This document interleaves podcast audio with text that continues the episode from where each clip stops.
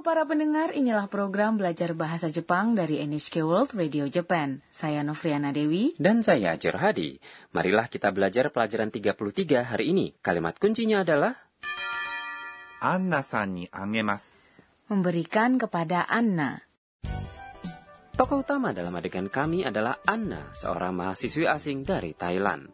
Anna menginap di kota Shizuoka bersama kawannya Sakura. Hari ini, Sakura menghadiri upacara pernikahan kawannya. Jadi, Anna datang ke sebuah festival kampus bersama Kenta, sepupu Sakura. Mereka melihat-lihat pameran klub fotografi yang mana Kenta adalah salah seorang anggotanya. Mari kita dengarkan adegan untuk pelajaran 33. Kalimat kunci hari ini adalah アンナさんにあげます。 memberikan kepada Anna.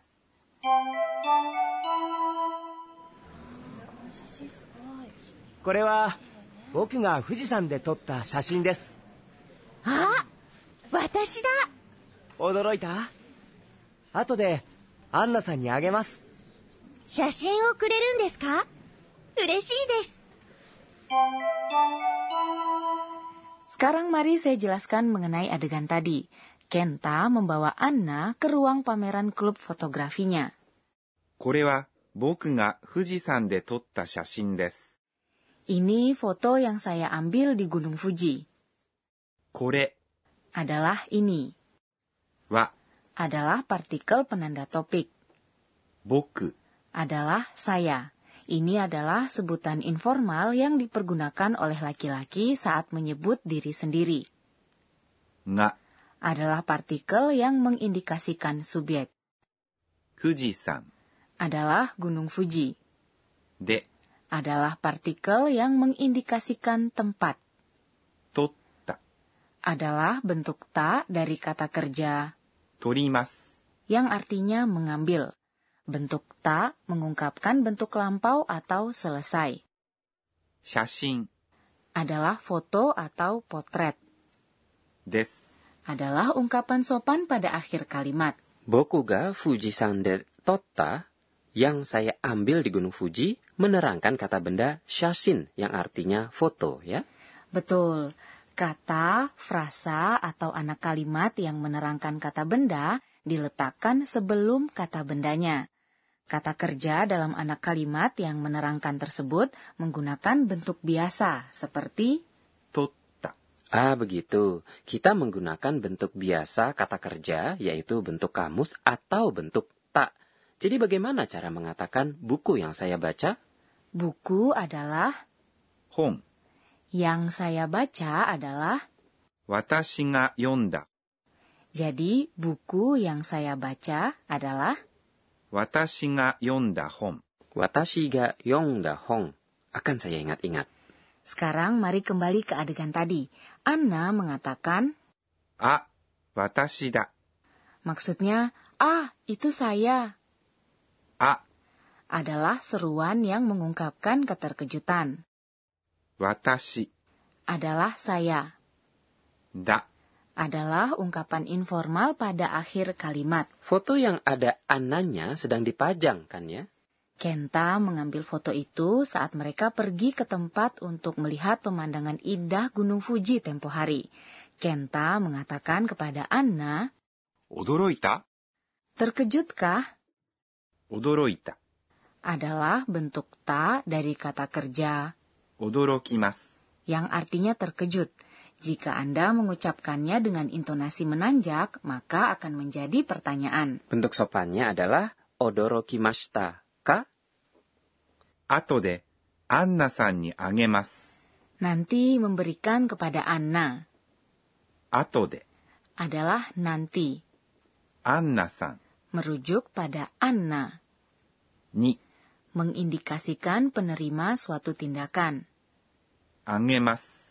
adalah memberikan. Dalam bahasa Jepang tidak biasa menggunakan istilah Anda あなた、 untuk merujuk pada orang yang diajak berbicara langsung.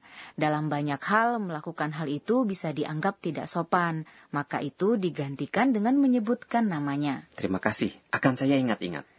Memberikan kepada Anna adalah kalimat kunci hari ini. Mari berlatih mengucapkannya.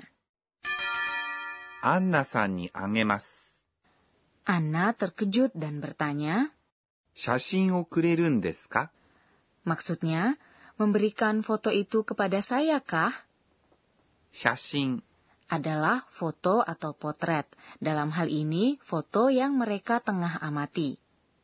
を Adalah partikel yang mengindikasikan objek suatu tindakan. くれる、 Adalah bentuk kamus dari くれます。 yang artinya memberikan. んですか Merupakan ungkapan yang digunakan saat mencari penjelasan atau penegasan. Anna kemudian melanjutkan, 嬉しいです。 Senangnya 嬉しい。 adalah kata sifat yang berarti senang. Des adalah ungkapan sopan pada akhir kalimat. kini mari kita dengarkan kembali adegan untuk pelajaran 33. Kalimat kunci hari ini adalah, アンナさんにあげます。 berikan kepada Anna.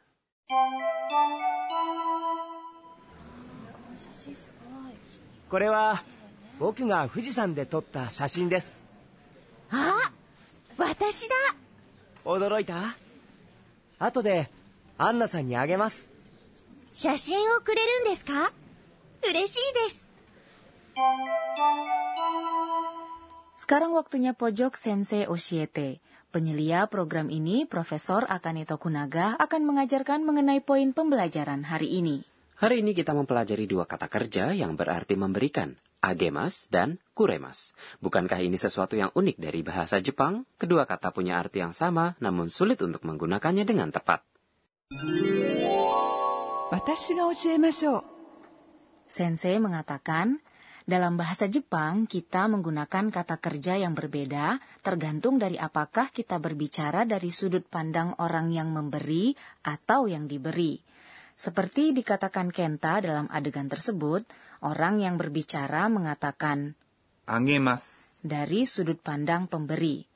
Agemas pun juga digunakan biasanya saat orang memberikan sesuatu kepada orang lain.